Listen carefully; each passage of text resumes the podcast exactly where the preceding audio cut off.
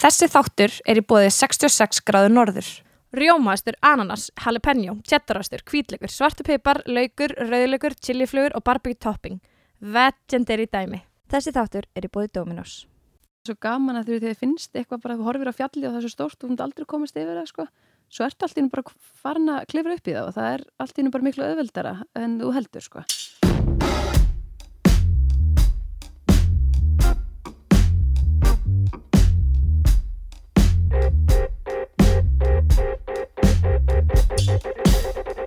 Verið velkomin í þáttinn þegar ég var stór. Hingað til okkar er komin Edda Hermannsdóttir, yfirmar markasmála, samskipta og greiningar hjá Íslasmóka. Vertu innilega velkomin til okkar. Takk fyrir, takk fyrir að hafa mig. Hvernig hefur það? Og bara opbúslega gott. Það ekki. Ég hérna fór út í búð og kefti smá nammi því ég heyrði að þú væri nammigrís. sko Þannig- vægast sagt. Og þetta er svona eini dag sem ég ætla ekki að bara nammi, ég er alveg að stara á þessu skál. Ég held ekki sigla þessu februar, ég held að vaka sig eitthvað svona að reyna ít á okkur. Það en mistramáni er að byrja. Já, meistaramánu, sko. Það er. Það er eitthvað sem er á að áhrif á líf fólks þess dagana held ég. Ég hef aldrei haldið neitt svona út í heilan dag, sko, svo við sjáum hvað gerist, við erum búin að tala saman. Já, Vá, að það.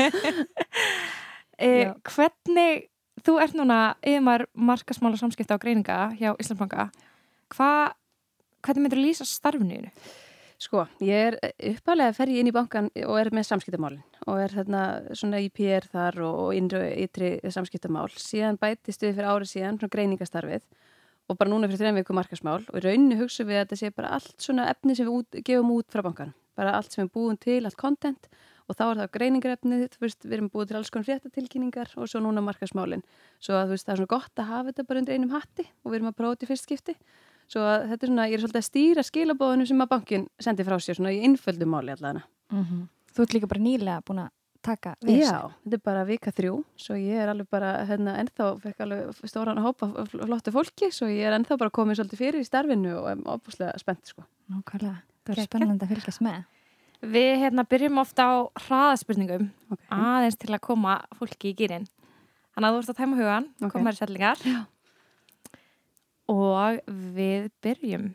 Hvað ertu gummul? Ég er 32, Hvað fyrst þér í morgumat? egg, Uppáhalds lægið þitt? eitthvað Beyoncé-lag, já, Uppáhalds sjómanstáttur? Sex and City, Uppáhalds staður? Barcelona, Hvaða samfélagsmiðl notar mest?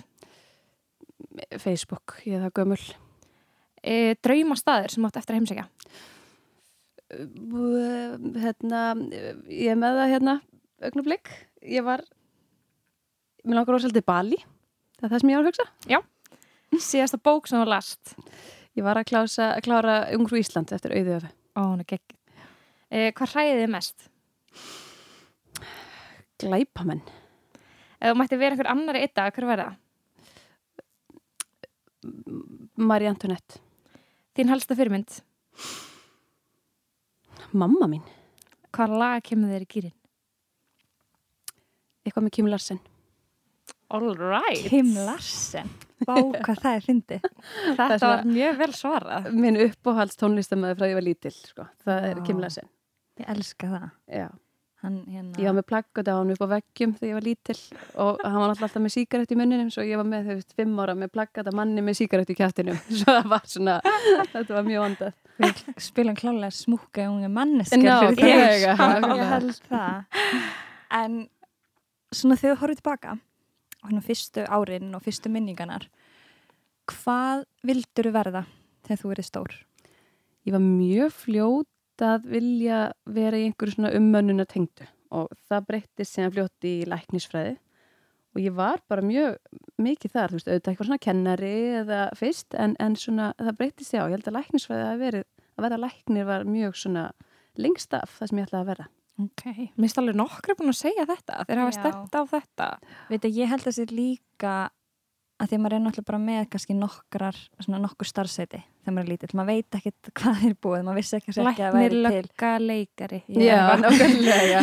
Þetta er svona, lýsir samt svolítið bara svona metnaði og, og þannig líka sko, Já, eitthvað svona um, og, og vera umhyggju. góður við náungan svona. Ég held það. En Já. svo um leið og ég fór eitthvað, svona, ég tók eitthvað kurs í mentaskóla í anatómíu og þá bara um leið, þú veist, var þetta alveg að villusesta hugmynd sem ég hafi komið fyrir, sko. Svo ég var fljóta að hætta við það.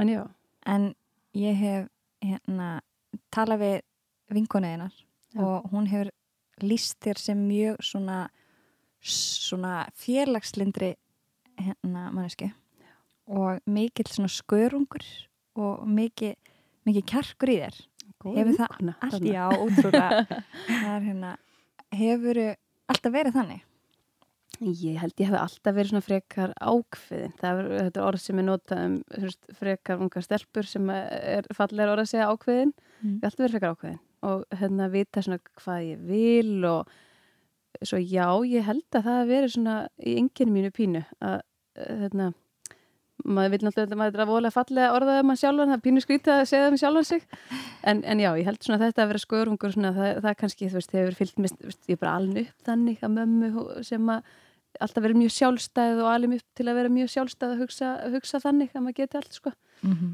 að, að, ég held að það hefur verið snemma komið eh, í, í mitt eðli, sko Hvar elstu? Ég er semst fætt á Akureyri og er síðan flytt, flytt til Danmörku því ég bara tveggjara ég býð þar í, í, í að vera sex ár og það kemur, kemur lasin hérna að dáin mín sem sagt Og síðan-. Já, og síðan er ég aðeins í Reykjavík eftir það en síðan er ég aftur, fyrir við aftur norður og ég er þar í hérna, mestan hluta mín skólagöngu og, og mentaskóla þar. Var ekki indislegt að vera á Akureyri? Það er alveg dásamlegt. Það er alveg svona draumabær fyrir bann. Þegar þú Mhm. hefur einhvern veginn allt og þú getur farið upp í fjall eftir skóla og þú getur farið, við fórum að skýða hann niður heim aftur og löpuðum heim og svona. Mm Mhm. Þetta er alveg drás, dásamlegt umhverju fyrir krakka að vera í. Varst einhverjum íþróttum þannig? Já, ég var alltaf í fótbolta. Ég, mamma reyndi allt, ég fór í jazzballett og ballett og hérna, dans og reyndi ímislegt en fótboltin var það sem vann. Passa ennþá upp á byggar minn, besti leikmaður 98. Það er svona það sem ég stá- státa með ennþá af. Hann er feitlegst að heima. Myndir að segja að það hafi mótaði mikið? Verið í íþróttum eða? Já, ég, þetta bara það áttur úrslega vel við með þessi að vera í hóp saman og, og vera að keppa einhverju rosalega það er svona keppniskap í mér svo mér fannst það alveg gríðilega skemmtilegt og þessi minningar að vera með þetta í keppnisferðalögum og þetta, þú veist, þetta er bara þetta er upp, upplifun sem að maður held að allir hafa rosalega gott af. Mhm. Elstu upp með einhverjum sískinum? Áttum Já, sískinni? já, já, andlega heil, heil, hellinga af sískinum Já, en ég semst, þarna, er alveg upp bara með semst, bróðu mínum, Óla og hann er fjórum án veldin ég. Og hérna, við erum bara tvö saman allar mína svona, hérna, barnæsku og erum miklu vinnir Og svo ferði í mentaskóla og þú ferði í MA. Já. Af hverju eh, ákastu bara að vera ennþá á Akureyri? Að fara í mettskólan? Já. það var bara svona, ég var mjög spennt að fara í er mjög einmitt, eh, talandi um að vera félagsverða, þá, félagslífi er rosalega öflugt í Emma og mér fannst það svona þú út í bekkakerfið, þetta er öflugt nám og hérna, það, það var svona búið segja mann að þetta var svona góður, góður skóli til undirbúið maður fyrir hérna, þetta háskólanámið og, og síðan sérst fór ég í, því ég var í þriðabekk var ég komin í einhverja nefndir þar og svo í fjórðabekk þá býðið mér fram sem hérna, inspektor skóla sem formaður. Og það var svona þú veist, fyrir mér það næstu, ég seti það meira eftir næstu heldur námið, sko, þú veist, en auðvitað, hérna, kennarar og vinir og þetta, en það var rosalega lærdomsrikt að vera einhverju svona nefndafélagi og, veist, ekki bleki ársatíðir og fara með krakkarna suður getur betur og það var alveg rosalega upplifun bara. Er þetta þá, því að við sko, er þetta þá fyrsti, annar, þriði, fjörði? Já, já. já, já. Því að það er semstæðar sem er einmitt, þriði, fjörði, Já. Já. fymti, sjötti. Einmitt, Já. já. Þannig að þú ert þannig næst síðasta árinu og byrjaði alveg bara fullu í félagslífunu þá. Og varstu þarna með hugan við lækrin? Já, já, það hætti þarna í, minnum í þriði eða fjórðabekk. Þá, hérna, snar hætti ég við það. En þetta var svona fjórða árið, síðasta árið í mennskólan, það fór náttúrulega kannski allt og lítið tími í lærdóm, en það fórum þetta í félagslíf og mér fannst það bara, hérna, í nöyta sig einhvern veginn í botn, að vera bara í kringum fólk alltaf, að, hérna, á skipulegja eitthvað. Og mér finnst rosalega gaman að skipulegja, svo, og svona vandræðilega skemmtilegt. Svo það var einhvern veginn, já, það var alveg indislega ár fyrir norðan. Manst eitthvað af hverju þú hættir við að vera læknir? Já, hvað- ég man bara eftir sko prófinu sem ég fór í, í anatómi, þú veist, ég var bara að, hérna, að skrifa upp einhver lífari og, og hérna, eitthvað um mannslíkamann og eitthvað og mér fannst þetta bara ekkert heilla mig. Ég var alveg, þetta var ekki draumur minn um að vera með lítið barn í fanginu að, hérna, í hvítum læknabúningi. Þetta var ekki, hérna, ég þurfti að læra þetta vesen, það var alveg ekki partur af því, sko. Alltaf svo ótrúlega ímynd, sterk ímynd sem Já. það hefur á ummunnastarf og læknastarfi Já. sem að svo fylgir því ansi mikið Já, Já heldur en bara það. Algjörlega og, svo, og ég meina, mann líka, ég var alveg fann að hugsa þessum tíma bara að þetta er mjög óprakti starf að því ég ætlaði nú að fara að eigna spötn fljótlega sko, þú veist að vera mamma að, að, þú veist, og ég hugsaði núna bara svo, hérna, ég var svo snemma að byrja, ég var svo Mhm. fullan svo snemma að hérna, fann að hugsa út í svona hluti sko. Þú verður mamma mjög ung. Já, Þú er meitt, hvað, þú uh, eftir mentaskólan, Já, segð okkur eins bara hvar Já. ertu stödd þá? þá förum við saman sérst að ferðast, þá að ferðast um Evrópu, ég bara svona indreil með mínu vinum og erum bara svona hópurinn saman og, og endum í, hérna, við erum tvær vinkonunar sem endum í Barcelona og búin að taka eitthvað hérna, hérna túr um Evrópu og ætlum að fara í spensku skóla og þá sé ég að hérna, sem sagt, Ragga og Eður Smári búa þar en ég flutt ángað og ég hitti þau og gerir spatnapíðan þeirra. Ég Hittur þau bara út á, bara Já, veist, já, og hérna, sem sagt, við varum tengd af Íslandingum og svona. En hérna, og svo ég man að ég ringdi heim, ég ringdi pappa og ég ringdi þátt í kærasta á þeim tíma og bara, herri, ég er ekkert að koma heim. Og samt að ég er búin að vera í alveg nokkra mánuði í burtu og ákvað bara að vera áfram hjá þeim og vera barnapíja hjá þeim, sem sagt Mhm. svo þá alveg, hérna, ég var í hálft ár hérna í burtu, síðan kem ég heim og er í Reykjavík eftir það og byrja svo í, hérna, er aðeins í verkfræði í háskólanum, en svo um þetta eignast ég bara eh, dóttur mína sem, sagt, já, 2008 þá var ég 21 árs Það Svo- er mjög ungt og líka á þessum, þú veist, maður heldur kannski að þetta sé eitthvað lengra síðan, þetta er náttúrulega bara, hvað, tíu, tíu já, síðan, og þetta sko- og þetta var svo, hérna, ég var svo ákveðin í þessu. Þetta var mjög skipulagt að eignast hérna, batn á þessum tíma. Þetta var bara mjög praktist að eignast börn áður en að maður fer út af vinnumarkað, þetta er bara gott í háskólanámi.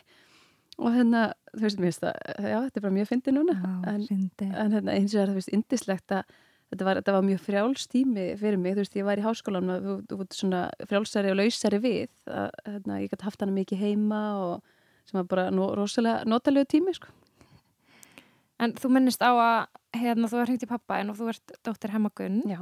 Eh, getur hann sagt eitthvað frá, þú kynnist honum mjög seint. Já, ég vissi alltaf að ég ætti annan pappa eða, hérna, og, og því ég er alveg upp bara með semst, mínum sem ég kalla pappa hérna, ég var sex mánuð þegar hann kemur í mi- mitt líf en ég vissi alltaf að hemmi pappi væri til en ég vissi ekkert hver hann var síðan bara að því ég flutt heim frá Danmörku að þá erum við að horfa á þættina semma og, og bara, hérna, mér fannst þér aðeinslega þessi þættir, vissi ekkert hver hann var.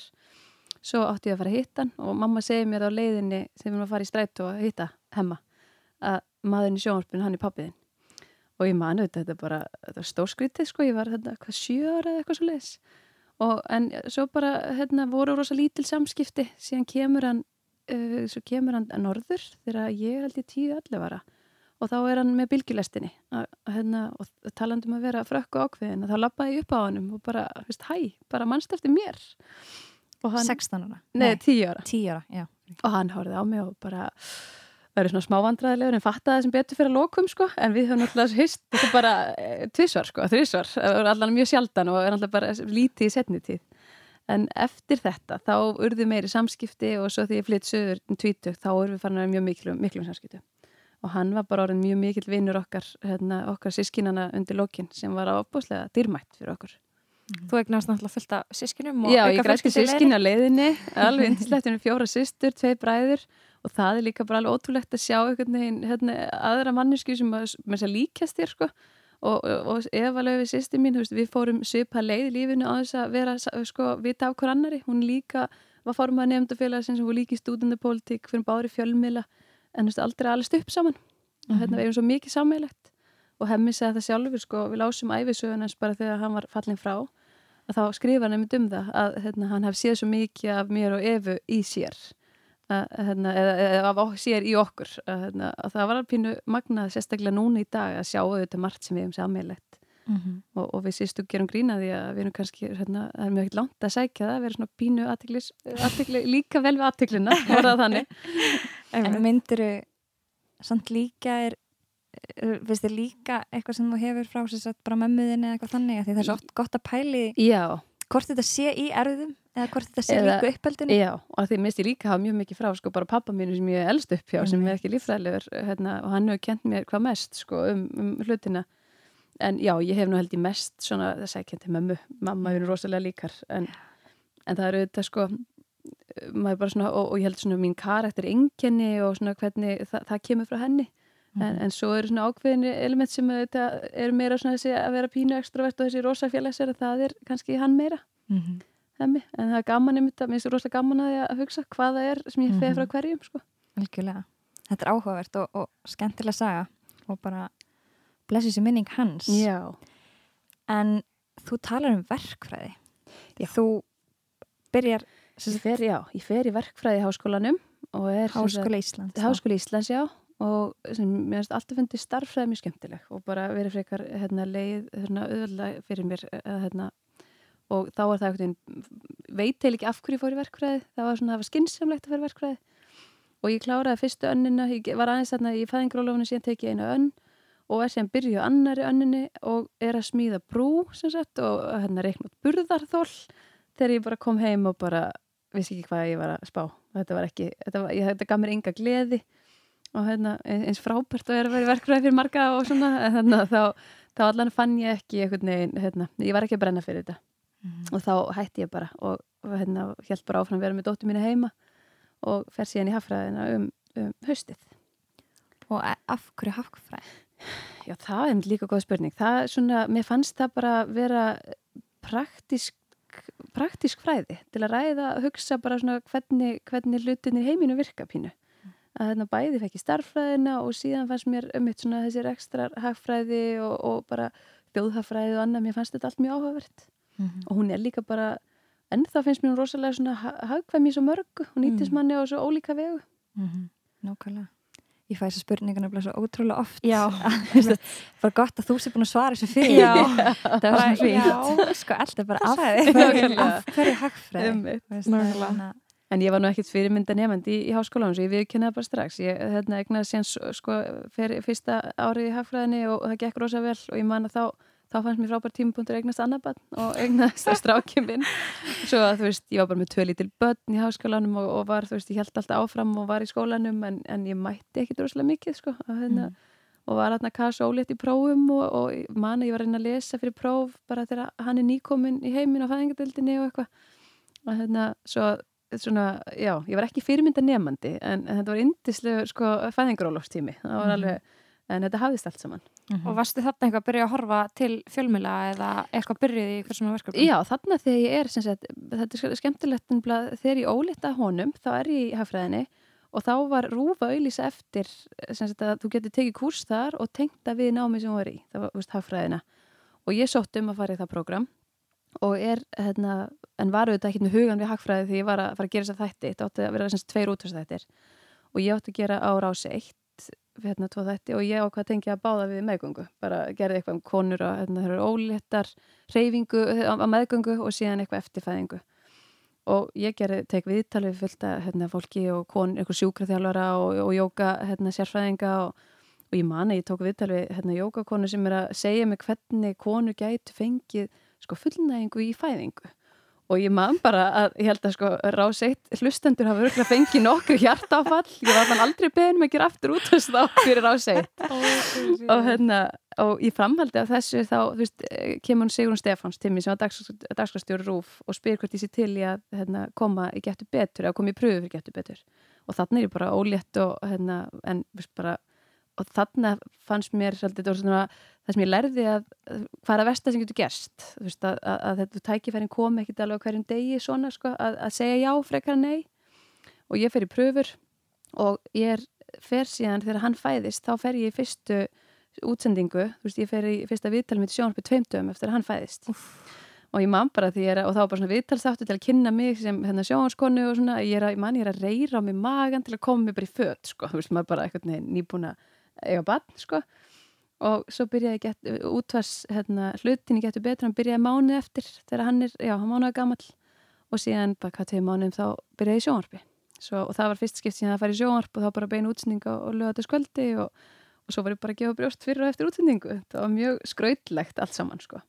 Vá, þetta er, þetta Að hafa kjarkin í þetta. já, Já. og líka bara að segja bara já, já, ég kem bara morgun. Já, Já, þetta, vil ég veital, já, ég, ég kem morgun ég hendi mér í þetta ég, já, og ég ákvað bara þeim tímpunkti bara, þú veist, ég ætla bara að segja frekar já aldrei nei, að þessu auðvelt að segja nei sko. mm -hmm. það er, hérna, það er örugalegin að segja nei. Og svo ekki nóg með það hérna, svo algjör hliðasagan hérna, þegar hann var viku gammal þá var ég eitthvað hérna, hlaupa ná mér í súklaði og ná mér eitthvað inn í skáp og dett svona um rúmteppið. Og, og hérna, ristabeini mitt fór í tvent svo janúmánuður hérna, eftir að hann er komin þá er ég allir gifsi, get ekki valla gengið með hann pínulítinn á leiðinni í, upp í rúf í útsendingu sko. Og ég var bara, það var svo spauðilegt sko en þetta, þetta, þetta kennir manni svona bara ímislegt Hvernig leið þér? alveg hræðilega sko. En, en ég var samt, ég er samt svona ég held að húmor hjálpi mér mjög mikið í, í lífinu sko, að bara hlæja pínu að aðstæðum sko, Mm. svo bara þú veist, notaði ég tækifæri og borðaði bara pizzur hverju kvöldi og, og reyði mér sem minnst sko, það var svona þannig tímabil Taldir hreyfingu. Já. Þú ert, einhver, þú hefur verið að Já. þjálfa. Já, ég var, hérna, þegar ég var með hann í fæðingrólu þá fór ég að kenna leikfumi semst í vörklass klun 6 á modnana og gerði það síðan bara, þetta átti bara að vera svona eitthvað í fæðingróluofinu að geta lagt sér aftur á daginn og svona, en, en hef verið að gera það sérst í nýju ár að kenna og var að hætta bara núna um daginn sem sagt. Sérst meðgangu leikari. Nei, bara, bara. bara. svona þól og styrk tíma, bara svona alls konar le, hérna, leikfumi. Vá. Hvaðan kom það? Ég, veist, ég veit það ekki. Ég var bara rosa mikið að reyfa mig þegar eftir ég egnaðist hérna krakkana og mér fannst þetta rosa gaman og gott að fá, þú veist, mér finnst þetta rosa gott að reyfa mig og er mjög mikið alltaf að reyfa mig. Að það var alveg eins gott að bara að, vinna við það, að Mm. reyfa sig. En þegar þú útskrifast úr háskólanum, Já. hvert er leiðinni haldið þá? Þá fer ég í, sem sagt, ég er ekki búin í háskólanum þegar ég er, ég er að klára síðustu áfangana og þegar ég, að ég fer, sem sagt, ég var búin að vinna þessi landsbankanum áðan ég fer í, hérna, milli þegar ég kem frá Barcelona eftir, hérna, menturskólan. Síðan er ég aftur komin í landsbankan þegar ég er, sem sagt, er að klára hagfræðina, er að klára síðustu áfanga, eða síðustu kursana, já. Og, hérna, guð, ég trú, trú seg, segja frá þessu, en ég fór, sem sagt, í þrjá daga að vinna þar og þá fikk ég hringingu frá viðskiptablaðinu og þeir byggðu mér á blaðamöður og, og þetta var hérna hræðilegt að þurfa að vera nýbyrjar í vinnunni og síðan hætta við það sko. En þetta er svona, og ég mani hringdi mamma og pappa þarna og, og, og þú veist að þetta er auðvitað svona, það er í móður aðlinu bara að veist, bara vera örug og, fínt að vera þarna og svona. Og meðan að pappi er svona, þú veist bara drífuð í þessu, þú veist, gerða það sem ég langa til. Og þá, hérna, og hvað ég segja já við viðskiptablaðinu. Og það var auðvitað bara að fylgja hjartanu hérna, þetta var ekkit skynnsemis hérna, spurning, þetta var bara eitthvað sem ég langaði til að gera sko. Þannig að Og- þannig ertu svolítið að pæla í fjölmjölum og Já. ert svolítið búin að að getur áhuga betur því. já, Já. búin að getur betur hérna þá, ég- hvað í tvö, nei, eitt, eitt sísón í rauninni, ég var þrjú, Mhm. þrjú ári getur betur Mhm. og fer í viðskiptablaðið og, og þetta er auðvitað bara þegar að tala um að konur séu svona, þú veist, imposters í, í sínu umhverfi að þetta er, það, svo tilfinning var svo sannarlega þar því að mér fannst ég ekkit kunna neitt til að vera að vinna sem viðskiptablaðamöður Mhm. og hvað ætti ég að fara að segja fólki eitthvað um viðskiptafréttir og, og, en það er svo gaman að þið finnst eitthvað bara, þú horfir á fjalli og það er svo stórt þú múnt aldrei komast yfir það sko. Svo ertu allt í einu bara farin að klifra upp í það og það er allt í einu bara miklu öðveldara en þú heldur sko. Að, hérna, en, en þetta er svona tilfinning maður auðvitað hættur alltaf fyrst við eitthvað ný verkefni. Að það var óbúslega lærdomsöku tími, tími að vera á viðskiptablaðinu. Og lærir svo mikið að vera að vinna sem blaðamæður nálgast mikið af fólki og ég lærði örglega jafn mikið þar en ég lærði bara í, hagfræðin áminni sko, að, að þurfa bara að koma sér inn í öll mál og kynna sér allt Nákvæmlega. Og Hlut- þú endar þar sem aðstöðar Já. ritstjóri. Já. er þar semst í þrjú ár og síðasta ári mitt var ég aðstörriðstjóri og það er mitt svona var mjög mikið, fannst mér svona mér fannst rosalega gaman að hugsa um þetta kynja, þessi kynjamál þá að, að leggja svona kapp á það að konur væri meiri í viðtölum hjá okkur og það var alveg, og tókst mjög vel að fjölga konum í, í blaðinu En var það eitthvað sem þú, bara einhver ákvörðun sem þú tókst sjálf? Já, það var bara, hérna, ég var alltaf lengst af, leng, lengi var ég ein á riðstjórninni, svo var kannski veist, oft eh, kannski ein með mér, en hérna, Eina kona? eina, já, Já. um tímabil, þú veist, það var, já, svo var að tvær á, á einhverju tímabili, en þetta er svona því ég er að, þú veist, að, að, að vekja kallan líka til umhugsunar, að því að það vilja allir vera jafnbrettis, hérna, eh, sinnaðir, að, að, en að í daglu, svona tali og störfum að við þessu höfum í huga að að vekja aðtöklu því sem konur er að gera. Og konur eru ragar við að koma í viðtöl og ragar við að stíga fram. Og þá er það einhvern veginn okkar fannst mér ábyrðarluti að, að nálgast þær öðruvísi og nálgast þær þannig að þeim líði vel með að koma í viðtöl til okkar. Og gefa þeim svona, hérna, þetta, svona, já, svona comfort zone í það. Og, og það tókst róslega vel. Og ég man að daginn sem ég hætti það voru hérna, konur, bara hérna, fleiri konur á fórsíðinu kallar og þetta, þú veist, það hafði ekkit verið mjög marga konur og ekki það, það er er ekkert mikið á konum í viðskiptilífunu það er ekki konur, ekki með við kalla í aðstu stöðum. Það er, viðst, það er engin kona í dag sem stýrir skráðu félag í kaupöll og það eru innan við átjömbróðs konur sem er frangöndustjórar í skráðum fyrirtækjum. Það, svo það eru þetta erfitt að endurspegla samfélagið hérna, einhvern veginn annan hátt í fjölmjölum en maður verður þegar maður getur haft áhrif á það þá ámar að reyna að draga konur fram fyrst mér. En fyrst þú hefur verið að vinna í þessum bransa, við fórum hérna báðar á, ótrúlega flottan fund þar sem var sagt, konur í fjölmjölum hjá ÖK. já, hjá ÖAK, frábæra fundur. Um, og þar mitt um, var verið að tala um sko bara þetta kynja og, og sérstaklega konur í fjölmjölum eins og bara ef við tölum tökum pólitík, það er rosa jafnt kynja hlutföll þar. Viðskiptagerin kemur alltaf verst út. -hmm. Hvað, eftir að þú hefur unnið hana hvernig er þín tilfinning gækur því, helduru hvað heldur að sé? Sko bæði, hérna myndi ég segja í eftirhafinu viðskiptblæðinu og líka bara inn í banka þegar þú ert svona nálegt þessu viðskiptalífi þar er, það er þetta rosalega skipt eins og horfum bara á veist það er engar fáið sem engar konur sem vinna í fjárfestingabanka því þetta er bara svo karlaður heimur búin að vera það svona sögulega og það þóru ofta ekki að stíga inn í þetta. Og veist, það er ennþá fjármálafyrirtæki það sem að það er teljandi að fingur um annar handa sem eru konur, sem, hérna, hver, hver eru konur þar? Og þú, þér finnst þú bara, hérna, konur sækja síður í þessi störf, þú veist, þær eru held ég smekar pínu við það, að fara inn í, inn í eitthvað það sem að þeim, þeim finnst þær ekki vera velkomnar og ég held að það sé, hérna, í viðskiptalífinu þetta bara sögulega búin að vera karlægt. En, en auðvitað, þetta er að breyta smá saman. En síðan er það, ef við horfum á veist konum séu þetta fjölga bara í viðskiptafræði og, og ég verið að horfa svolítið á sko greinina sem við lærum. Þú veist það er ég svipa fjöldi hérna kalla á kvenna sem læri viðskiptafræði og hagfræði. En við konum bæði við væntum læri launa þegar við komum úr náminu. Og við sækjum síður í þessar stöður sem eru, hérna, þú veist, þú tala um þetta glerþak að það er svo, við mætum miklu andstöðu að mótbyrna einhvern veginn, sko bæði hjá okkur sjálfum og finnst okkur líka umhverfunu að það er svolítið erfitt að komast þarna upp. Og þá er svona, þú veist, þessi samstæða hvenna sem skiptir máli, þú veist, við erum ofta að keppa um sæti konunar við borðið, við erum ekki að hérna, keppast um að vera hliðin á henni sem er mikill galli, að því að það er ymmit, við þurfum að fjölga konum í frangandastjórnum til læmis en ég veit ekki hvað, hvað, hvað veldur, veist, hvað er sem það gerir svona hægt? Veist, þetta hefur auðvitað, ég held að hlutin sem kynjakvota þetta flýtti fyrir að fá konun inn í stjórnir fyrirtækja, þetta er ekki að hafa jafn mikil áhrif að pratt og við heldum á, á aðra hliðar hérna, hérna, neðar í fyrirtækið. Og maður var að vona að það myndi gerast. En, en svona ég held að það sé að gera hæ, gerast hægar en við heldum og, og það er auðvitað þannig út um allan heim. Að, að það tala um að í bandaríkjónum það þurfi hundra og eitthvað ár til að ná jafnbreytti við erum auðvitað í betri márum hérna heima sko. en, en ég held að þetta sé svona þessi sögulega arlið því að við horfum að sjáurútveg það er lengið kona sem er að sjó í dag heldur. Að konur sækja ekkert í það. Við erum líka rosalega svona umhverfið sem langar okkur að fara að sjó að vera eina konan í því umhverfi og langar okkur að fara frá fjölskyldun okkar í kannski mánuð. Það, konur vilja síður fara í þannig störf En hvað hva heldur þessi hægt að gera? Þú talar um kynnikvota, mm -hmm. hann er búin að, þú veist, jú, kannski gera eitthvað en kannski ekki alveg það sem við viljum sjá þú veist, hvað Ekki- þarf? ekki til lengri tíma, ég held að hann hafi verið alveg nöðsynlegur í, svona til að þú veist, grípa inn í eitthvað norm sem er komið til að brjóta það upp sko. og ég held að, ég held að umræðan þurfu bara alltaf að halda áfram þú veist, að taka, svolítið, þetta er alltaf sko tvö skrif áfram og eitt aftur á bakk svo að hérna, í greinum það sem eru fáar konur þú veist, að opna eitthvað starfsnám kynna námið svolítið, nei, starfsgreinina svolítið meira fyrir konum í háskóla. Þú veist, ef maður viss, ef ég hefði vita því ég var hérna, hagfræðinni meira um ákveðna greinar í viðskiptalífinu þú veist, vita hvað fjárfstingabanki er eða hvað það er að vera verbrjámiðlari eða eitthvað slíkt það hefði maður kannski verið óhrættari við að sækja í þessi greinar. Svo mér finnst það svona ábyrðarlutur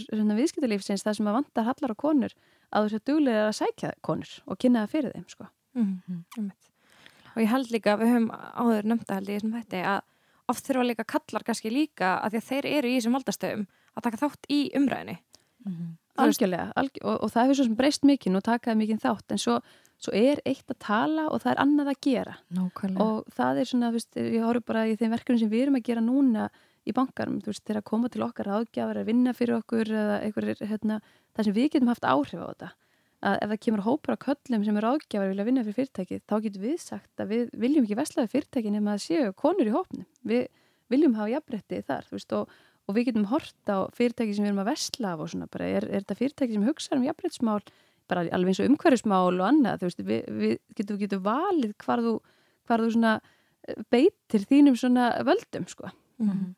Svo þetta er líka bara svo hættulegt að því að svo líka tala um að bara, bara þessi kvennréttinda baróta að það eru allir feministar í dag, nú flest allir en hvernig fólk er að þessi, hvort þú ert að gera eitthvað í því eða hvort þú segir það bara, þú veist, og bara frábært að allir segja það en það er líka þetta næsta skref sem ég finnst margir bara, margir þurfa að taka líka eða vilja sagt, bara hafa áhrif það er líka bara að gera eitthvað mm. því það er ekkit alveg endurlega nóg að segjast Nei, vilja jafnrætti, heldur þarf maður líka auðvelt, af því að þetta er oft erfiðar ákvarðanir erfitt hérna og, og, og ætla að taka þátt í að breyta einhverju það getur bara verið hérna, það getur verið óþægilegt líka Algjörlega. Hérna, hvernig voru viðbröðin þegar þú byrjar á þessu hérna á viðskiptblæðinu? Hvernig voru viðbröð bæði bara samfélagsins og þeim sem voru að vinna með þér? Sko, mjög góð og ég held að sko, hérna, þeir hafa nú, tóku sér nú fagnandi mínir samstagsfélagar og svona en ég fann rosalega sterk viðbröð frá konum í viðskiptalífinu sem voru svona,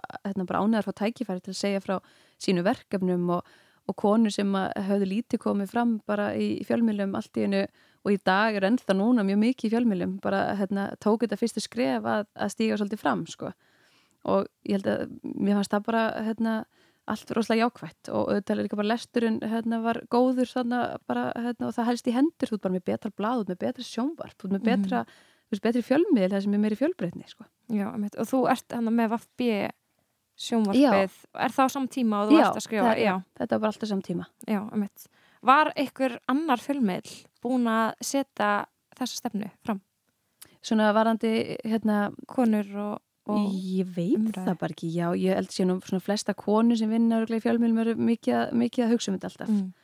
en, en það er alltaf kannski minna hefur verið í þessum viðskipta, viðskipta blöðum en, en eins og ég segi, þú veist, þetta er oft ég er oft svolítið að tókast að tókast á, á í mér, þú veist hvernig á þessum tíma þegar þú ert með kannski helstu ráð þeirra sem voru bara kallar, þú ert með alla fóstjóran að kalla, hvernig ætla þú að hérna, breyta hlutvöldum í fjölmílunum þegar þetta eru samt að leikmenninni sem þú ert að tala við mm. Sælabankstjóri, kall og hérna, við Ragnarstinn alltaf gerum þetta svona, umtals svona, hérna, umræðafni í bókinni sem við skrifum bókum að svona, þessu erfitt að breyta þú getur mátt heldur ekki sína ykkur aðra mynd í fjölmilum en hann er í raun og veru en, en eins og ég segi, síðan er hann fullt af möguleikum á að þú ert að sína ta tala um fyrirtæki eða þú ert að sína hérna, minni fyrirtæki ert að tala um skoðanir og annað að þá er þá átt að nota tækifærið og tala við konur mm -hmm. En hvert ferðu eftir viðskiptablaði? Eftir viðskiptablaði fer ég upp í banka, Íslandsbanka þá, og það var aldrei planið að fara endilega í banka. Ég var ekkert búin að hugsa hvað ég ætla að að gera í framhaldi. Ég ætla að drýja mér nám og þá fer ég, hérna, þá hefur byrjnað sambandið mig og við, nýðustæðan er að ég tek við sem samskiptastjóra starfinu þar og það var svona... Á hvaða tíma er þetta? Þetta er þá 2015. Emitt. Og og já, eins og segi, þú veist, þetta var ekki eitthvað sem endilega sem ég hafði hugsað mikið en svo fór ég nokkuð viðtöl og spjallaði mikið fólk í bankanum og ég varði einhvern veginn heitluð af svona stemningunni og fólkinu og ég held að það sé að það sem skipti bara sama hvað vinnustæðar er hvað það gerir, ég held að fólki skipti alltaf mestumáli, hvernig fólki jólt vinna með og, og svona hvernig, þú, þarna að vera talsmaði fyrirtækis, þá verður að treysta rosalega vel áherslum fyrirtækisins og að þið líði vel með að tala fyrir höndira og þannig leið mér með Íslandsbanka að, að þetta væri svona fyrirtæki sem að mér þætti bara gott að vera hérna, málsvari fyrir og er sem sagt búin að vera þá með samskiptamál og síðan er ég búin að vera með þú veist við erum búin að halda, búin að virki jafnbryttsmálum þar, við erum að halda árlega fundi hérna ljónin í og úr veginum. Það var eitt af því fyrsta sem ég gerði í Kvæmbankan mm -hmm. og síðan núna erum við hérna, svona jafnbryttsmál eftir og við myndirum að horfa á líka greinar hvernig það er að þróast. Og þetta finnst okkur líka bara partur af okkar samfélags ábyrð að vera virki umræðinni að, að vera svona plattform til að ræða þessi mál líka og hérna já, og síðan sérst, fyrir rúma ári síðan þá kom hann að greiningin inni og, og þetta verður svona að vera að stækka hjá mér sérst, síðan í byrja 2015, svolítið jæmt og þett Hvað fælst það að vera samskiptastjóri? Samskiptastjóri þá ertu bæði bara að stýra svolítið auðvitað fjölmjöla samskiptum hérna, aðstofa bæði hérna, fórstjóru og aðra stjórnendur þegar þau eru að koma fram. Mitt markmið mitt mjög fljóðlega var að fjölga andlitum sem koma fram í fjölmjölum og það er um þetta því að tala um svona konur sem koma fram að, að ég fann það strax að það var erfitt að fá konur til að fara við skömmum fyrirvallum í viðtöl eða gera eitthvað slíkt. Svo að ég fór svona búin að vera líka að halda námskeiðum bara að, og hvetja konur til að innanbankans að vera dugleri að, að stíga fram. Og hjálpa þeim þá með greinaskrif og hjálpa þeim að æfa sig fyrir viðtöl og svona. Svo það er svona partur að því svo er þetta bara í alls konar út, hérna, útgefnu efni og tilkynningar og svo eru hérna, tilkynningar í kaupall og annað sem þarf að þannig er unni bara svona skilabóðin frá okkur. Og þessu samræmt allstæri við bankan við erum með, þetta voru hátt í þúsund starfsmenn því ég byrjaði, svo að það er svona víða, víða að vera að ræða við fjölmjöla eða eitthvað skilabóð sem sendum frá okkur. Svo þetta er svona margslungið svo þetta þurfi að maður pínu vakir og sefri yfir svo þetta er að vakta alla fjölmjöla stanslust mm -hmm. svo maður það svona geta hérna, bæðið maður alltaf í vinnunni gott að geta hérna, láta hlutin ekki ná mikið til sín þegar maður er í þessu starfi. Nákvæmlega. Þú heldur námskeið með sýstuðinni, Efurlaufi þið eru að hérna, það sem þið eru svona ræðu og framkomu námskeið. Já. Hvernig varst þú svona góð í, í hennar ræðuhöldum og í því veit þú, þú heldur oft sagt, fundi og fundastjóri og svona. Já. hvar, og líka bara eins og það koma í fram í fjölmjölum ég menna það er ekki eins og sért með einhvern grunn þannig séð. Hvaðan kemur þetta og hvernig þetta, veist, ég held ég að fengi mesta auðingu þessu þegar ég var í, í Emma og var formaður nefnda félagsins því, og ég man alveg eftir fyrst skipt sem ég held ræðu. Ég var búin að skrifa hana heima og alltaf, veist, þetta var svona frambóðsræða og það allum að, að tala um sjálfan sig og segja öllum, öllum hvað þú ert frábæri til að gera eitthvað það er rosalega erfitt þegar maður er svona frekar maður er svona pínu inn í, inn í sér á þessum árum alveg. En, en, og ég mani ég lasi þess að ræðu semst fyrir pappa og, og, og, og síndi honum þetta og hann hlusta á mig og bara þú veist, þú ert ekki að segja neitt með þessar ræðu. Það er ekkert sem þú ert að, hérna, þetta er bara svona pínu fróðu ræða. Og þá, þá er svo gott fyrir mig að heyra það að, að þú veist að þú þarfst að segja fólki mjög svona afgerandi hátt hvernig þú ætlar að gera ákveðna hluti og þarna lærði ég mjög mikið af því. Og, og var síðan kosin, ég held ég að vera kosin með 51% 49 á móti sko, þetta var mjög tæft wow. hérna, en í framhaldi tóku við ósæðilega mikið af ræðum, ósæðilega mikið af viðtölum. Og, og það, ég fann bara hvernig ég var örugara í því, bara að hérna, þetta varð einfaldara. Og vera einhvern veginn að treysta sjálfum sér síðan þetta því ég fyrir getur betur þá er ég, fyrstu þættinu mín er ég með alveg bundin á handriti. Bara öll, alla þættina þá er ég ekki að segja neitt sjálfur unni, þetta er bara allt skrifað brandararnir voru skrifaðir. Þú veist, ég var bara með allt hérna niðuneld og ég man að hérna svo kynist ég nú hérna Ragnhildsteinu sem hjálpaði mér ósala mikið mitt svona að þóra bara vera ég sjálf. Að, að, að bara segja brandara þeim ég langar til að segja það og vera bara afslöppuð og vera ekki bundin við eitthvað handrit og ég veit alveg hvað ég er að segja. Og það finnst mér eitt af því sem við erum mestar ekki áherslu á við Eva er að þegar fólk er að koma fram það veit alveg hvað það er að fara að segja. Það, við erum oft svo hrætt við að við þurfum að orði þetta nákvæmlega svona eða við ætlum að koma svo svona frá okkur að maður fyrir að stressa sér meira á því hvernig við ætlum að segja það eða hérna, hvernig við orðum það heldur en skilabóðunum sjálfum. Það missa skilabóðun oft svolítið svona margs einhvern veginn þegar við verðum á stressu yfir einhverju öðru. Mm. Svo þann, það er svona grunnuna hérna, hvernig ég hef lært þetta allavega. Okkarlega. Og við ef að tökum þetta svona, þegar við erum að halda þetta námski, við erum líka bara að tala um allt sem við hefum gert, þú veist, slemt og, og gott og gerum mjög mikið grína okkur sjálfum fyrir hérna í þessu námskiði en, en þú veist bara margt svona lítið sem við höfum lært sem eru henda okkur mjög vel og við erum ekkert að segjast verið einhverju sérfræðingar í neinu. En, en svona praktísk ráð sem hafa hjálpað okkur mikið og við erum með svona ólíkan bakgrunn samt við úr fjölmjölum, hún er meira náttúrulega í þetta matagerð og bara skrifa bækur. Og ég er með svona þennan viðskipta þess að viðskipta hlið að, að við svona að henda svolítið vel að samina þetta. Mm -hmm. Það er ótrúlegt. Það er alveg ótrúlegt hvað hérna bæði sem að einmitt, hún segir sjálf að þú hafi mikið sjálfströst og Ragnhildur sagði okkar það líka. Já. að hérna og ég bara heyri það en ég meina þú ferð alveg blind inn í fjölmila þú dettur alltaf inn í það að vera einhver þjálfari í hörklass með enga börntekking og því. Og einmitt verði kemur í alls konar aðstöð skrifa bók. Þú veist, þú eru aldrei skrifa bók eða gefa út bók þegar þú gerir það. Og þetta er, ó, þetta er, já, þetta er ótrúlega sjálfströst sem þú hefur og bara það að þú ferð svolítið inn í eitthvað anþess sem eitt kannski, eins og segi, þú ert engið sérfræðingur í þessu en, en, en þú bara trúur á þig.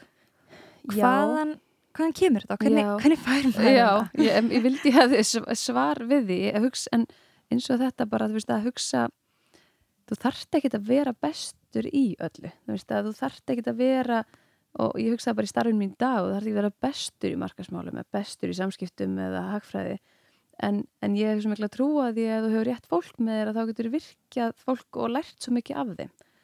Og ég hef alltaf hugsað eins og því ég var á viðskiptublaðinu og í starfinn mín í dag að, að þú veist út svona ég heitir nú jafningastjórnir þú veist bara að reyna að búa til góðan hóp og, og, og líka í félagsstarfinu þú veist að að virkja með þér heilan hóp, það er það sem þú far miklu meira út af því heldur en að vera með eina góðamannisku að, hérna, en, en svo er það líka ég þrýfst á því að fara einhvern veginn út fyrir þægindaraman, mér finnst það rosalega gott að gera eitthvað nýtt og ég verð erðalös mjög fljótt ef það er ómikið rútína, ég get ekki borða morgum að tvið sér rauð sama matina því mér leiði strax sko, að, hérna, að ég finna ég þarf einhvern veginn alltaf að vera með eitthvað og, og mörgum hefur þótt hérna, og ég meina mamma og pappi alveg oft svona bara, nú móttu slaka þess á sko. En ég held ég að bara aldrei þú veist, um leiðu ég kann að njóta þess og verið róleitum og svona, en, en þá þurf ég alltaf að hafa einhvers alltaf mikið af einhverjum verkefnum spennandi og mér er svo gaman að vera með eitthvað svona kreatíft og fá að hugsa upp eitthvað nýverkefni og eins og þetta námskið og þessa bók veist, það er bara svo gaman að, að gera eitthvað svona sem þið langar bara innilega að gera, það er bara gaman að hugsa um þetta kvöldin, það var aldrei leiðileg stund að skrifa bók með lagnistinni, þú veist, það var bara þetta var eitthvað sem við ómögnum bara að brenna fyrir og, og þá svo gaman að vinna í þannig verkefni Svo já, þetta er svona einhvern veginn einhver blanda af því að vera, hérna, og það er ekki það, ég stressist ekki upp eða ég veri kvíðin eða, eða bara algjör, al, algjörlega. En í samtum leið þrýfst á því að fá þennan, þennan fyrringi maðan. En það er einmitt margir, kannski með hugmyndir um að skrifa bók eða gefa út þátt eða bara eitthvað sem það vil gera sem er skemmtilegt já. og hefur gaman af. Hvernig byrja maður? Sko, mér finnst alltaf bara veist, að skrifa allt niður sem maður er að hugsa. Veist, ég, það ger grína mér, ég geng um með dagbók bara alltaf með, hana, til að skrifa í gamaldags að mér finnst alltaf gott bara allt sem þetta eftir í hug, skrifa niður og byrja að móta veist, hugmyndinar og þú ert eftir að fá maður færi svo mikið að neyjum sko, á leiðinni, ég hef búin að segja um í kastljósi held ég tvissar á þannig útskrifastur Emma sko, ég bara hafi mjög hérna, háletar hugmyndir að ég ætla að henda mér í þetta og hérna í manni, ég sagði líka mömmu því ég var í Emma eitt tíma, ég var á leginni söður því ég ætlaði að vinna í bókaldinu hjá hvort það var hérna að bauja á sínum tíma. Þú veist það var og mamma bara nei nei þú ert bara að fara að vera á akkurirri hérna, hérna bara einhvern veginn að þóra að láta vaða og, og, og vera óhrættu við að fá nei. Mm. og við ef að gerum um grína eins og með bókina hjá steininni, við steinin fengum alveg þú veist við fórum í forla og vorum með frábæra hugmynd fannst okkur og hérna bara byrja að vinna í bókinni og, og svo bara þvert nei. Veist, þetta er bara ekkit eitthvað sem einhverju hafa áhuga að gera. Og ég man á leðinni heim, ég var að kera tilbaka og ég verði bensinlaus á leðinni ég hef aldrei gæst fyrir nýja síðar á minni æfi og ég man þetta var allt hálf glatað bara búin að fá nei við bókinni, bílinn bensinlaus það er bara alltaf verið til anskotans og hérna, en þú veist, við ákveðum bara það um kvöldi bara, þú veist, ef enginn gefur hann út, þá gefur við hann bara út. Mm. það þýttu bara að við veist, við hönnum um það bara með, fengum bara hönnum með okkur og Steinun var alltaf að tala um eitthvað letur og ég var aldrei pælt í letri á þau sko. Og áferða bók og, og, og pappi kom að keira bækurna, við keirum alla bækur út sjálf, við gerum bara allt sjálf. Og þú veist, það lærði miklu meira á þessu ferðleldur en það sko. En, en, en er spurningunni, ég held að en með þetta að vera óhættu við að fá nei. Þú veist, að hafa eftir að koma svo mikið að neium en að bara halda það samt áfram. Og þú veist, að breyta þá bara kannski hugmyndin aðeins og þróana og vera óhættu við að breyta að þurfa að breyta hugmyndinni líka. Nákvæmlega. Ótrúlega fyndið að það hafa verið bensínlaus. Hérna, hérna. hverjir verða bensínlaus ég er bara, ég hef gert grína þannig fólki. En það er mitt svona að líka tala um þráttur alla þessa góða eiginleika sem það hefur að það væri smó kás í kringu já, ummitt er Tengir eitthvað við það? Já, já, já, ég vil alveg vita hver sæði það Ég er alveg bara Hvernig á ég að skama núna? Nákvæmlega, jú veist, það, það þarf ekki alltaf að vera slæmt. Nei, þetta er svona um leið og það er sko skipla í káosinu veist, en jú, það er alltaf, en það er alltaf káos það er bara, ég vil hafa alltaf svo mikið að gera veist, ég vil að, að börnum mín séu heima og það er félagsheimili, ég elska þannig ég vil bara hafa alla heima og, og ég vil hafa mikið um, um að vera. Ég er ekki, þú veist ég meina, hérna, sambrísmiða minn myndi ekki segja ég væri, hún myndir og leikfinnist í mjög skiplauð að því það er um kás þú veist að, mm. hérna, að ég, er, ég er að flýta mér fróðslega mikið og það er ákveðin kás sem fylgir því líka mm.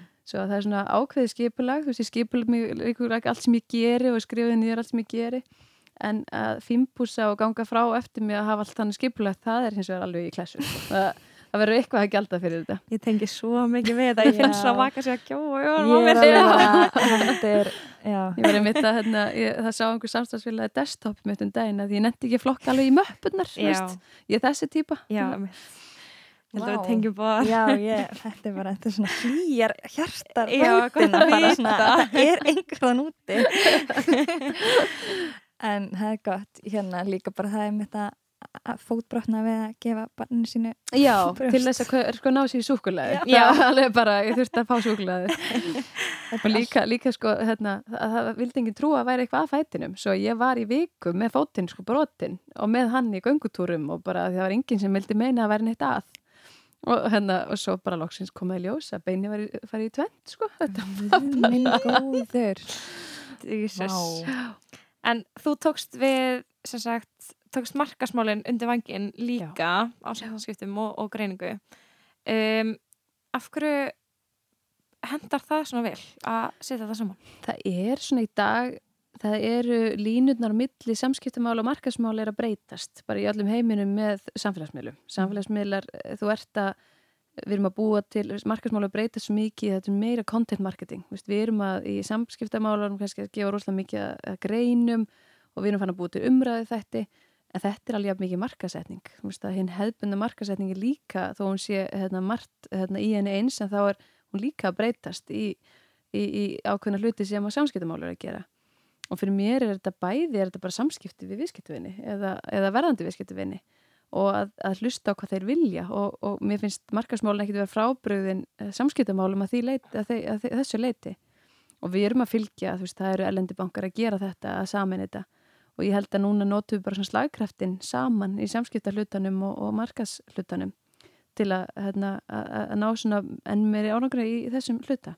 Um heldur að sé bara það að fólk sé orðið meðvitari um, um sem sagt svona neytandin eða hva, hva, hva, hvers konar breytingar er að eiga sér stað í Já, ég held, ég held að sé, þú veist, ég held að sé, neytandir er mjög meðvitaður og líka, hérna, en þetta er líka farið að vera svo persónuleg markasmálin, þetta er ekki lengur bara plaggöt upp á vegg, þetta er líka bara áhrifavaldar, þetta er líka, og þú veit að kaupa þér ímynd hérna, hérna, ákveðin aðla til að marka sér vöruna þeina og sem betur fyrir er fólk bara líka, hérna, það er mjög meðvitað um upplýsingarna sem það er að fá og, og það er okkar hlutverk eins mér sem banki, þú veist að þú þarfst að vera mjög með trösta ímynd, þú þarfst að byggja upp tröstkakart neytendanum, að því að við erum ekki, við erum ekki hvaða fyrirtæki sem er við erum húsnæðslániðin, við erum spartnaðin svo að það er rosalega fín lína að vera hérna, í, í samskiptumálan þú ert að reyna að gefa út efni sem er svona fræð, við erum fræðslu efni sem er mjög öflugt í bankanum og verðum með markasefni, en þetta verður alltaf vera svona að tala saman, að vera svona byggja upp þetta tröst gagvart viðskiptvinnum, af því þeir einmitt, eins og segir, þeir eru bara held ég verið alltaf meðvitari og meðvitari og ungt fólk held ég að verða miklu meðvitara eins að hérna segja neitt veljóttum að það hafi ekki verið áður. En minn ungt fólk í dag er að hugsa miklu meira um umhverfsmál og jafnbryttismál og er orðið vegan og, og svona hugsa um heiminn og allt hann hátt en það gerði sem er rosalega jákvægt Nákvæmlega. Ég sé að þið eru að beita svona alls konar skemmtilega maðurförum í markaspólum ykkar. Til dæmis með podcast. Já, útrúlega skemmtilegt. Já, við hefum verið að búið til svona umræðu þætti, við hefum verið hérna, og svona bara líka bara vera stafrætni í markasetningu. Það er hérna, held ég, það sem er að koma þetta bara hjá öllum, að búa til bara svona umræðu vettvang. Við erum að gefa út mikið af efni sjálf um sjárútveg og hérna, ferðarþjónustu og annað og við notum svona þetta, þessa leið til að líka koma bara efninu okkar á framfæri. Bara þú veist, okkur finnst mjög mikilvægt að við erum með fræðslufundi, þú veist, það er þúsundi manna sem koma til okkar í hús og enn veist, við áum með hérna, 20.000 sem horfðu á þættinu og lustu hjá okkur. Að, að þetta skiptur okkur bara miklu máli þegar að, að, hérna, við erum í svona miklu samskiptum við viðskiptunni Nákvæmlega. Eh, Samfélagsmiðlar, eh, hvort getur þú nefnt jákvæða hliðina því og neikvæði? Já, e, jákvæðaliðan eru þetta bara að, að við komum efni á skilvirkan og nýtmeðan hátt mjög auðveldlega til fólks. Er, við erum öll að skoða samfélagsmiðla rosalega hratt. Ég viðkenni hins vegar alveg að þetta er orðin svolítið blörru lína á milli eins og ég segði eins og með áhrifavöldum og svona, þetta er orðin blörru lína hérna, þegar maður tala um ímynd og bara persónlegt líf fólks og markasetningu. Hvað, hérna, hvað getur haft mikil áhrif á, á fólk með svona markasetningu. Um leið og hún er góð en þá er hún líka getur verið hérna, varasöm og ég held að sé mjög hérna, mikilvægt að, að vera svona að sína ábyrð hvernig við notum þessa leið að, að miðla upplýsingum Mm -hmm. Ég held að það sé alveg rétt og, og líka þú veist maður getur líka að fara að miðla til bara, þú veist, alla hópa einhvern veginn og stundum Já. á kannski ekki við, þú veist, bæði aldur og, og annað. Einmitt. Og svo horfum maður einhvern veginn, maður ég með unga krakka á mínu heimili, bara við erum með áhrif að geta krakka, maður var ekki sjálfur með þetta fyrir fram að sig, þú ert bara með heiminn einhvern veginn í símanum, um leið og það er óslega jákvætt að geta bara flett upp öllu og lært miklu meira og miklu vísinni að fá upplýsingar, að, svo maður sé jákvæður með þessum nótkun á símum, sko, en þá er þetta líka, það er rosalega varasamt að, að öll þessi skilabóð sem koma til þeirra og fylltar er ekkit að því sem foreldri, það er bara, getur verið mjög hættulegt held ég. Mm. Svo fyndið, ég var á uppistandi hjá með Ísland og Bergröpi, minn uppáhalds grínasti, segir hérna árið 2014 hætti ég að vera klár. það fekk ég iPhone og síðan þá hef ég bara googlað allt. Já, Já, það er svo góð setning. Bara, það er ekkert sem að ég læri sjálfur. Ég fæ allar upplýsingarnar beint í æð Já. Já, og maður fekk alltaf bara svona, wow. já. Það er alveg rétt, sko. maður, maður, og líka þú veist, hversu, ok, maður er kannski að reyna að googla eitthvað sem maður vill vita er þetta að fara inn eða fer þetta inn í þessar tvær sekundir sem ég vildi vita og er það farið Einmitt, þú ert Já. að googla aftur eftir viku sko. Já, einmitt. þetta er eitthvað svo Það er skyndilegst held ég. Ég held Já. að það sé smáð þannig. algjörlega, svona skemmtilegt teika það ég var að spá með markasmálin Mhm. því að þú ert í rauninni margir í dag þetta er også svona eh, held ég mjög skemmtilegt starf og eitthvað starf sem að margir sækjast í Mhm. og bæði að því að þetta tengist mjög mikið bara lífi fólks í dag og bara, og bara hérna daglegu lífi. En þú í rauninni ferð út í þetta án þess að vera með mentun í einhvers konar markasetningu já. þú ert hagfræðingur og hefur verið fjölmjölum uh, hvernig þegar þið býðst þetta starf hvernig svona tekur því fyrst?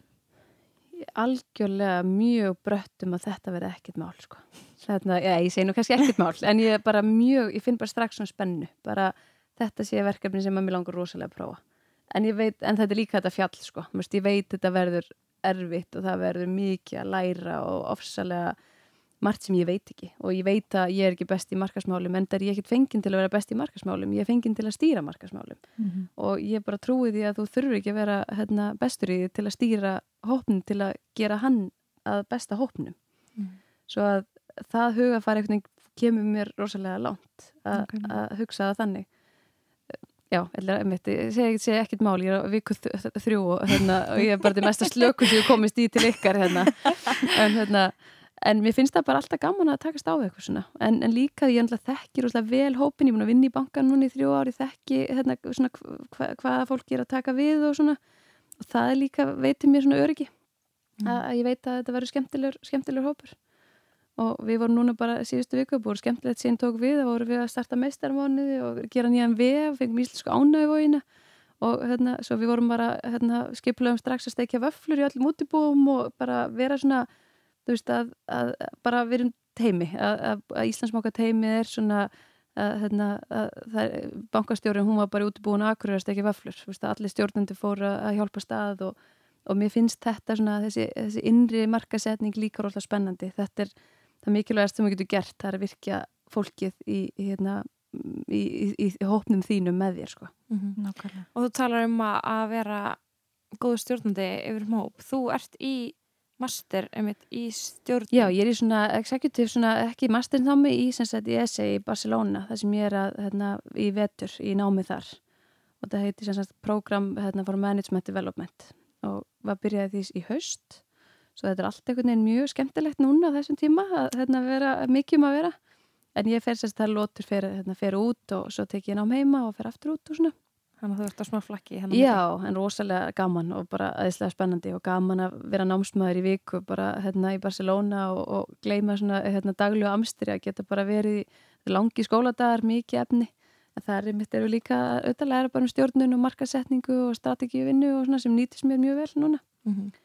En, en það er svona mjög, mjög gaman að ræða og, og læra um svona nútíma svona stjórnuna hætti að svona þessi uh, eldri hugmyndir okkar um stjórnun þinn svona uh, stereotypan af stjórnanda sem að maður hræðist svona hræðslu hérna, stjórnun og, og svona að, að, hún er að líðundi lok með svona aukinn tilfinningagreind og, og ég held að það líka bara tilkoma líka kvenna inn í það, þú veist að ég held að þetta er að breytast rosalega mikið að þú stýrir fólki ekkit best að, og eins og ég sagði á veist að þetta með að fá fólk með sér í lið og, og stýra svona meiri mikri hátt ég held að það sé það sem að skiptir mestu máli núna í dag og allan finnst mér, ég, ég er í þannig umhverfi að, að, að þannig verður svona gott heimi til Mm, Nákvæmlega, þetta er ekki fyrstu sem segir þetta hjá okkur. og ég held líka konur og Ja. bara, þú veist, þetta er bara held ég flestir, veist, það sé svona meira svigrum til að bara þóra að vera með sjálfur sem stjórnandi Mm -hmm. að, hérna, að vera ekki að leika eitthvað hlutverk. Þú veist, konur tala, tala svolítið um það það er ekkert langt síðan að þær voru að klæða sig í draktir og, og vera svarklættar og svona, að því svo það er að tekna bara alvarlega. Mhm. að þú veist, ég myndi ekki þetta í hug í, í dag, að Nei, vera einhvern veginn að setja ekki flettur í hárið að því að ég er hérna, einhver stjórnandi. Að, og ég hugsa alveg veist, að ég er yngsti stjórnandin í bankanum að, að þú veist að bara ég er alltaf bara samt að vera ung þú veist, ég er, hérna, ég held að þessi að skipti líka máli að vilja hafa ungan stjórnanda með sér, ekki að ég, ég veit ég fættist 50 sko. En ég er samt hérna, þarna að því að þú þú ert að líka hérna, að, að tólka í rauninni yngri hóp sem er viðskiptuvinnir að þú fá svona annað bara vjú inn í, inn í stjórnahættina og, og, og svona starfsemina. Sérstaklega líka bara tímum eins og í dag þar sem, þú veist, við erum algjörlega. bara, þetta er, samskiptin er svo allt öðru í sig og tíminn Já. er að breytast rætt Og það það er er mikilvægt að hafa Þú unga veist, við horfum á stjórni fyrirtæki í dag hérna, hinn hefbundi, vor, ég er í svona fjölbreytni nefnd hjá viðskiptaráði og maður taka saman hérna, svona, hérna, hver svona hefbundi stjórnamaður í skráðum fyrirtækjum og ég held að það verið 53 ára karlmaður sem er búsettur í Garðabæ.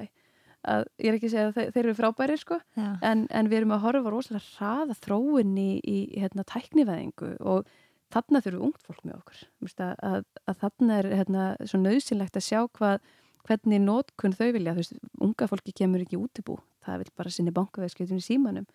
Við bara pöntum hótelega flug þetta er allt gert í símanum. Mhm. að maður horfa á mína krakka þú veist, þau hérna, eins og þau kannski þú veist, bara, svæpar, allar að svæpa sjónvarpinu því að þetta er, þetta er bara breyttur heimur.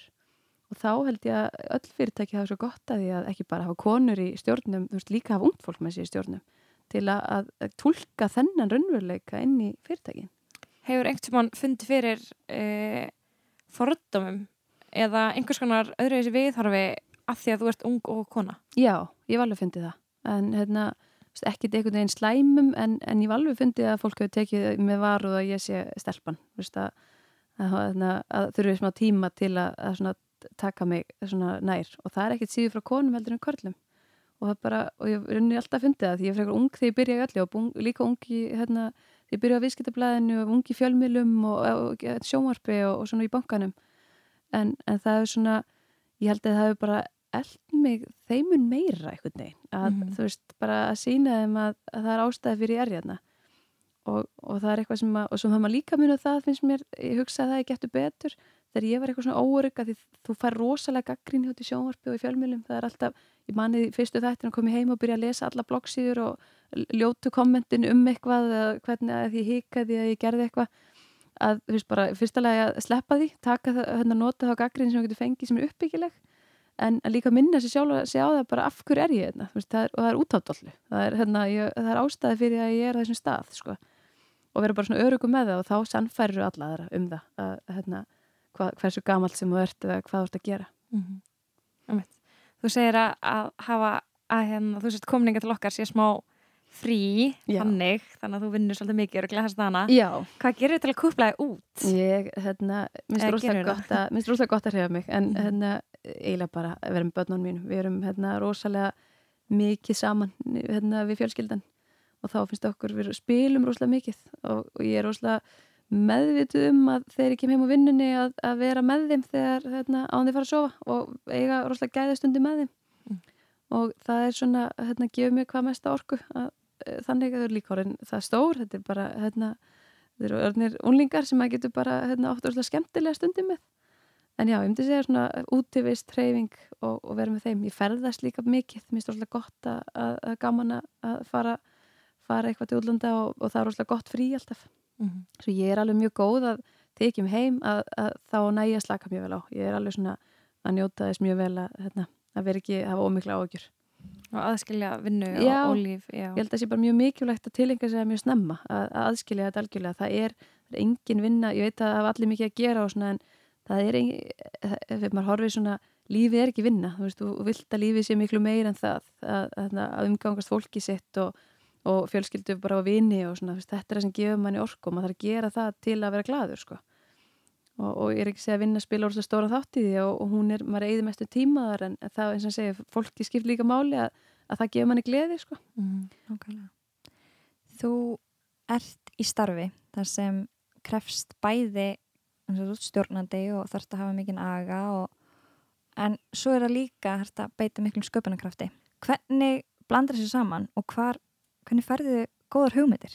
Þegar ég sko, að því við kennum bara svona dagstaglega þá er ég, þú veist, maður er bara að sinna verkefni sínum að klára, þú veist, byrja daginn alltaf og skrifa bara niður allt sem það er að gera og bara hérna, komast yfir verkefninu. Mér er það alveg ekki að gera það bara skrifa með penna og blað og, og tjekka það í bóksið en þegar ég fæ góðar hugmyndir það er þegar ég kemst í heitt bað sem ég ger eiginlega hverju kvöldi.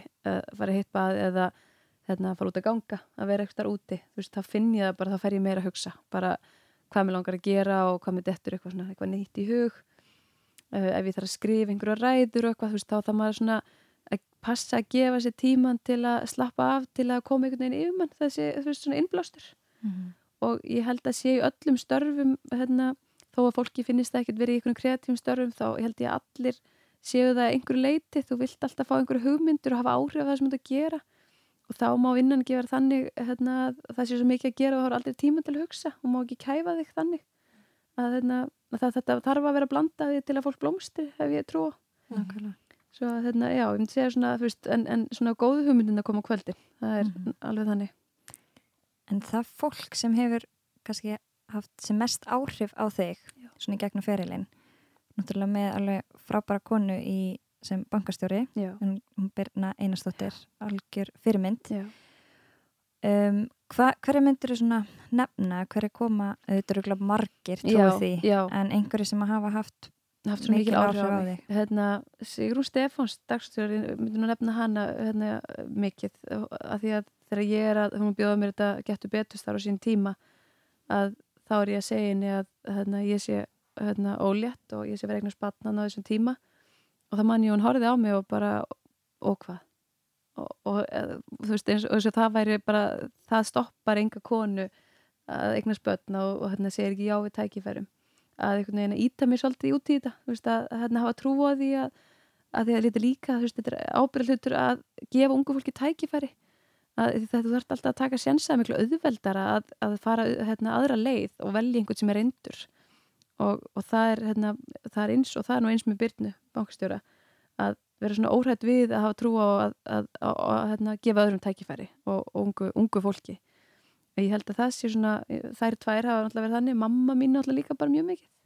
Ragnhildur Steinin nefndi hana líka. Hún var hérna við kynntumst þegar ég er getur betur og hún banka bara upp á og, og fer svona bara að útskýra hvað hún hefði gert vel. Það var ekkit, ég, ég, mér fannst á þeim tíma fjölmila hérna, heiminu þá ekkit verið svona inviting einhvern veginn að það væri allir að hópast að mér að, að hjálpa mér eitthvað það vildi fleiri fá starfið og, og það er fleiri skoðanir og þess að vera að ráða unga óreinda stelpu í starf það sem að margir hefur miklu meira reynsli en ég en að eiga einhvern veginn hauki hórni það sem einhver kemur bara heimtíðin og hérna bara skúfukökum með þér og bara fer yfir þetta með þér sko. og hérna, svo ég myndi segja að þetta verður svona þær konur sem hafa hvað, hérna, hvað mest áhrif hafa, já, ég get örgulega að tala fullt í viðbót en hérna, þetta er mjög mjög svona nær, nærstætt allavega. Ef við lítið svona yfir fyrirlin um, hvað af hverju lærður þau mest? Hvað er lærðið mest? Ég myndi segja svolítið erfitt að velja af því. Mér finnst þetta að hafa verið ég náttúrulega ekki orðin eitthvað rosalega gömul sko, en, en hérna, ég held að þetta getur betur þetta sjónvarp ég held að ég hafi lært óbúslega mikið af þeim tíma og lærði mikið um sjálfa mig og standa með sjálfa mér og svona þetta þegar við talum um þetta svona að vera örugur og svona ég held að það hafi það var rosalega erfitt tímabil líka þú veist það var rosalega erfitt að fara út í eitthvað svona djúpa lög þegar þú ert á hvað viðkomast að tími, hérna, tímabil lífsins að vera með lítið barn og til langa bara heima. Mm.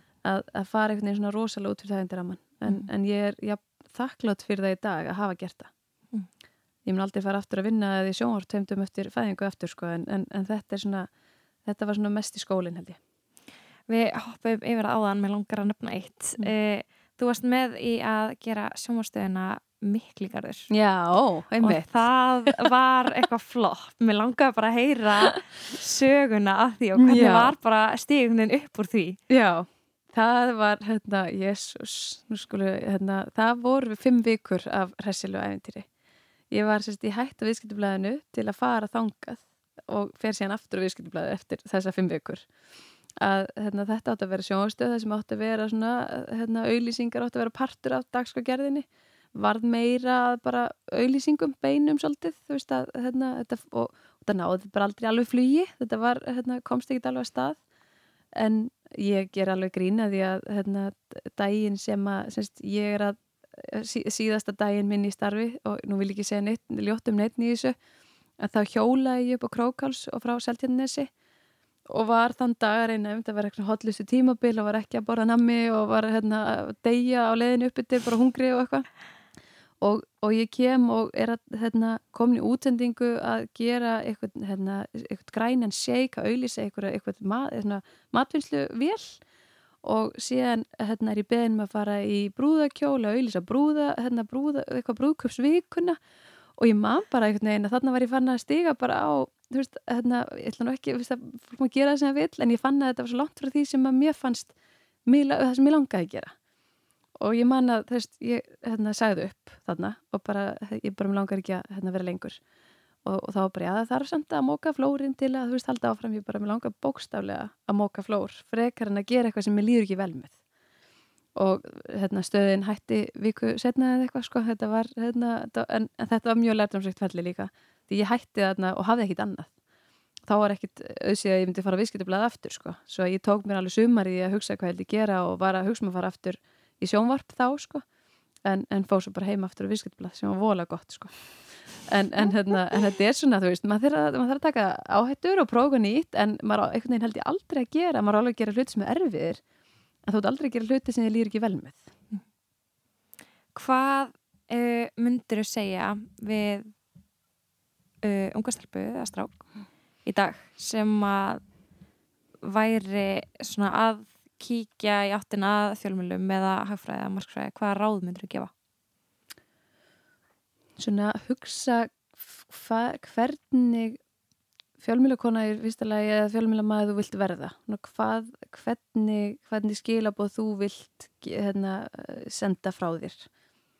Og vera svolítið óhættu við að gera mistök í fjölmjölum við hérna, oft taka okkur svolítið hátilega og vera svolítið alvöru gefinn og minnst það ekki bara í fjölmjölum heldur bara allstaðar en ég held að það er svona við, þá verður maður afslappaðir þú verður að hugsa það þannig að þú munt gera mistök. Þú veist bara að gera ráð fyrir því, þú munt segja vittlisar hluti, þú munt þú munt, hérna, þú munt gera taka þátt í verkefni sem eru að mishefnuð. Það er bara allt í góð, þetta er allt lærdomsferli og líka eins og ég segja á hann að vera viðbúin að fá nei og halda samt áfram. Mm. Ég held að það sé svona hérna, ég myndir álega ekki dóttu minni það í dag að ef hún væri að fara í þetta að að þóra að vera hún sjálf og, og að því það munu allir hafa skoðanir og því sem þú ert að fara að gera. Og það er svo auðvelt að hafa skoðanir og öðrum sem er að gera eitthvað að vera einhvern veginn ábúslega trúr sjálfum sér þegar þú ert að fara í svona verkefni. Mm. Talar um mistök. Um, Hefur einhvern veginn að lendi skemmtilegu mistökum í beinu útsendingu? Oh, nei, ekki, ekki alveg nógu ekki alveg nógu miklum svona einhverjum, ekki svona einhverjum hressilegum sko. Ég, hérna, ég man einhver tíman að þá hérna datt mikrofónum minn á bak ég var með svona, hérna, mækinu tengdur á bakinu ég getur betur og, og hérna, og ég, hann dettur semst niður á rassin á mér. Og dómarni sýttir fyrir aftadig og ég er að reyna að gefa einhverju hérna, hérna, handabendingar bara þau skvart að, að, að ég þurfu hjálp að þeir þurfu þá að kalla inn í hérna, tækni hérna, fólk til að fá, fá aðstöð og dómarnir halda að ég sé að spyrja hvort það sé alltaf læg með rassin á mér. Og ég sé bara þau eru að gefa mér alltaf thumbs up bara mjög flott, mjög flott. Og ég bara, ég er alltaf bara alls ekki að pæli þessu sko. En, hérna, en nei, það var aldrei neitt svona þú veist, ég, meni, ég sagði bara fylgta vilsum hlutum. Ég tók aldrei einhvern veginn þetta hlátuskast eða fekk aldrei þetta nei. einhvern veginn en hérna en, en margtu þetta bara svona sem ég finnst, ég horfði tilbaka bara, horfi á bara, finnst ég að það var kjánalegt sko sem voru, voru við að hlæja því að þetta, við sínum á námskeiðinu myndir sem voru okkar missefnu hérna, ekki missefnu en svona fyndnu móment í fjölmjölum að ég fór í viðtal í helsublaði morgumblaðsins ekkert löngu síðan og hef búin að skrifa hérna, alls konar um hvernig ég fæ mér grænan seik og er að vera helbrið og, og þykjast vera eitthvað ægila eh, döglega í þessu. Og svo ákveði bara svona og, og það er svo mínu eðli að ég langar ekki að vera þykjast er eitthvað óalega heilug heldur að ég er það svo lítið sko. Svo ég fyrir að tala um að mér finnst bjúur rosalega góð og, og mér finnst rosalega gaman að einu svona árið þá fer ég bara með hausbókaðin í bónus því þetta er svo lítið samþyktum matur sko að, hleypa út með bjúun og svo bara vakna ég morgunni eftir og sé hérna blaðið og hérna það var sko og það var borðar bjúu í laumi. Það var stór fyrirsögn í heilsublaði morgunbladsins og ég hérna, hugsaði með bara þetta væri, en veist þetta bara fyndið maður verður bara að hlæja þessu sko. Mm -hmm. en, en þá eftir þetta hefur álægt fólki svona hugsa hvað getur orðið að fyrirsögn? Já. og var sýsti líka þegar hún fór í fyrsta sitt svona viðtal að hún var beðin um sko að setja hérna, fingurn upp í munnin setja rjóma og andliti á sér og, hérna, og halda einhverju rjóma bollu og þetta er, hérna, og fyrirsögnin var sko eitthvað minnist hemma og hverjum degi eða eitthvað. Og oh, var alveg svo við hefum svo sannlega gert alls konar alls konar glóriur í, í fjölmjölum en, en svona, maður þarf að bara vanda sig en líka bara svolítið að hlæja að gera að grína sér sko. mm -hmm. og gera að grína fyrirsögnum því fyrirsögnum eru svo algjörlega, algjörlega en ég hugsaði að þetta var samt alveg hérna, meira í mínum anda frekar en drekku græna seg og hverju mótni sko. það hefði verið enda fáranleira næstuði sko. Nákvæmlega, algjörlega Að lokum að þá spurfum við aftur hvað ætlar að verða það voru stór? Mér finnst rosalega gaman að vera að æfa mig á þessi slóð að vera stjórnandi og fá fólk með mér í lið. Að ég myndi segja bara núna held ég að það sé einhver svona einhver leið sem ég er að fara en ég reynlega veit það ekki. Ég er ennþá alveg bara held að ég geti fara að gera eitthvað allt annað eftir eitthvað tíma. Mér, mér finnst hérna, mér finnst spennandi að vera í fyrirtæki og hafa áhrif á að hafa áhrif á hvað er verið að gera. Að ég hugsa tímin er að dýrmætast sem er á í lífinu. Að ég hugsa rosalega mikið um að, að það fólk sem ég umgengst sé fólk sem að gefa mér orku og hérna, ég held að við þekkjum alveg fólk, fyrst, við förum að vera í fjálskap og umgangast fólk sem að, að því bara, hérna, ekki segja að sé eitthvað verra fólk en að, að vennja sér bara að vera í kringum og kynnast fólki, mér er svolítið gaman að kynnast nýju fólki. En, en maður finnur svolítið fljótt hvaða fólk það er sem gefur þér eitthvað gleði, þú þú ert búin að hitta það þá ertu fullur af hugmyndum eða þú ert fullur af hérna, sjálfsörgi og þú, hérna, að það er svona peppar þig.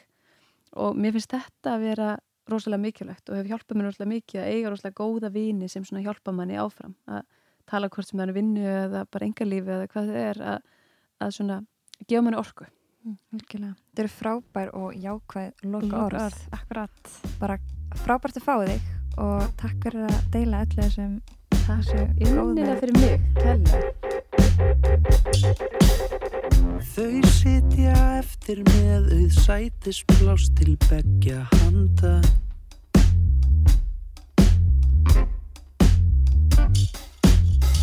Dreipandi sitt á hvað á drikkjunum sem eftir standa. Alveg sjálfsagt ekki að minnast á Láttu vaða leistu skjóðu frá ég segi engum. Svo krifjast hjartans mál og einhvers andadýr er panda.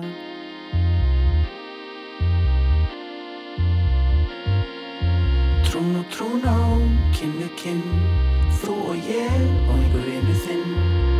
Trún og treyna, trún og við halda Nóttin naum og stórðin við aldra. Trún og trún á, kinn við kinn Þú og ég og einhver vinur þinn Trún og dreina, trún og við halda. Nóttin laum og stóðin við haldra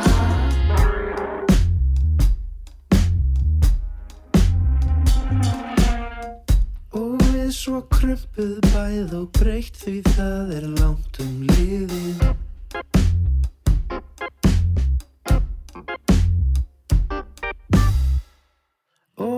Hundruð hunda ára hafa okkar daga drifið Alveg